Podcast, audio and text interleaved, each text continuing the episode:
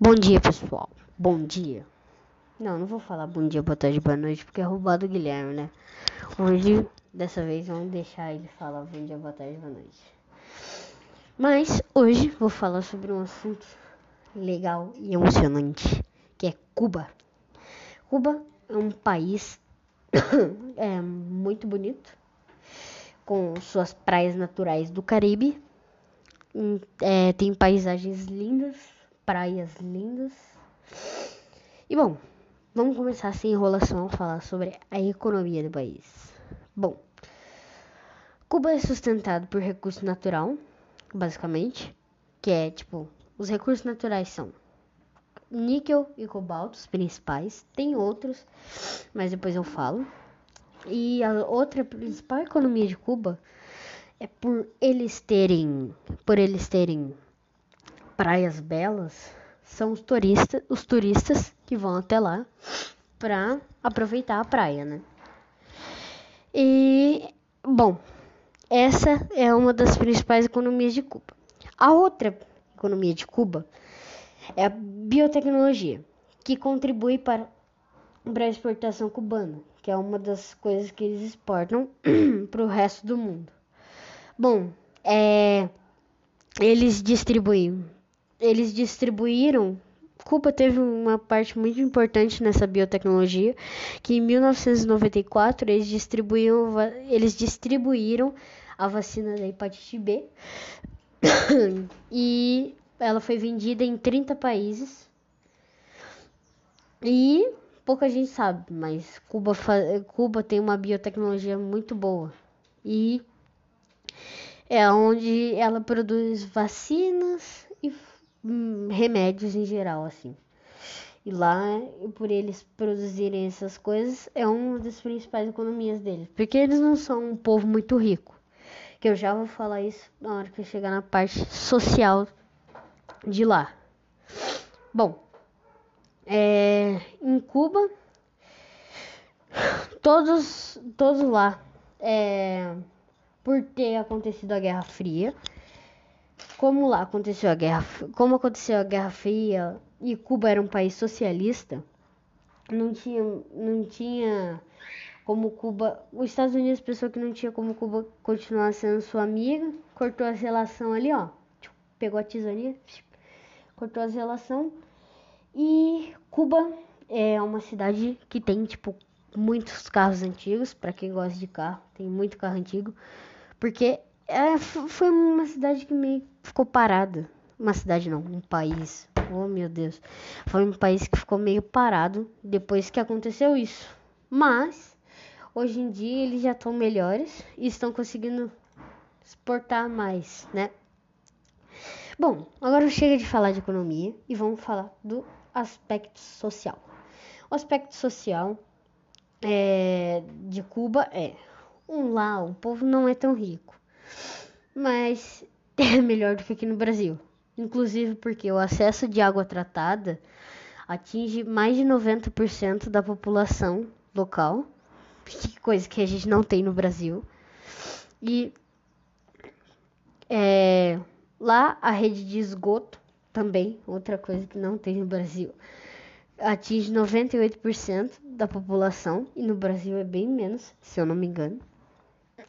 E o valor de o valor de mortalidade lá é infantil é a cada mil nascidos, mil nascidos, seis morrem.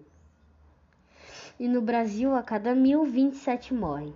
É, tá aí a comparação, vendo que Cuba é um país não tão rico, mas é um país melhor, porque parece que eles.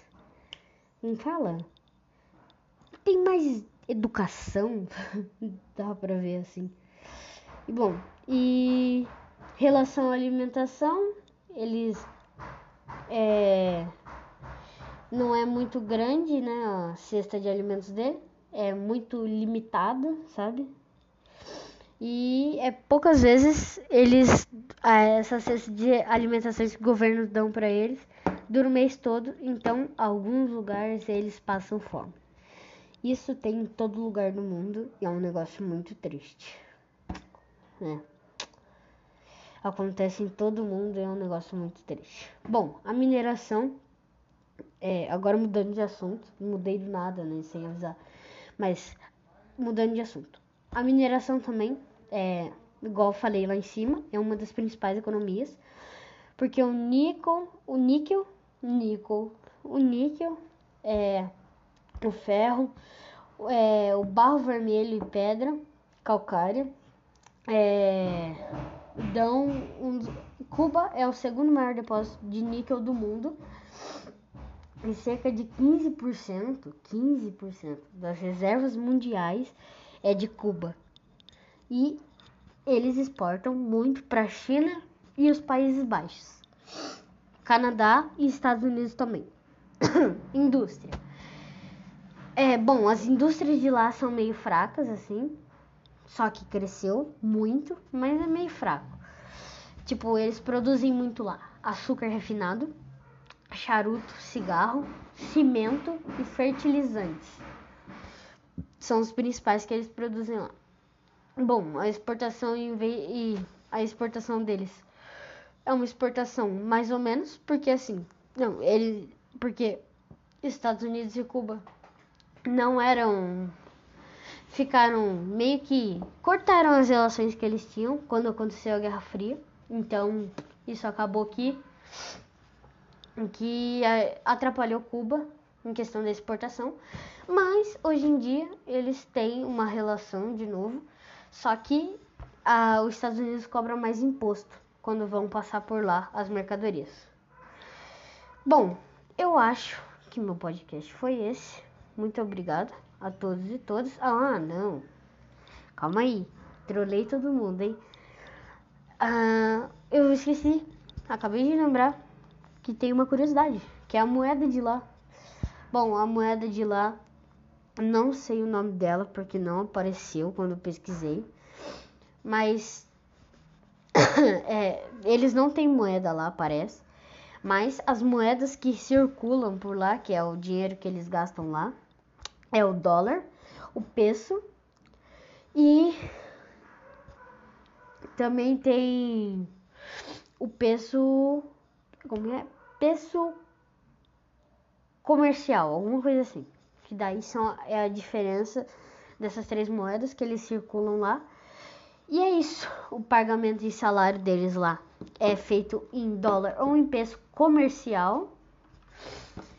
Ah, e eu acho que é só é, fim do podcast. Até. Boa tarde. Bom dia, boa tarde, boa noite. Roubei o coisa do Guilherme de novo. Tchau.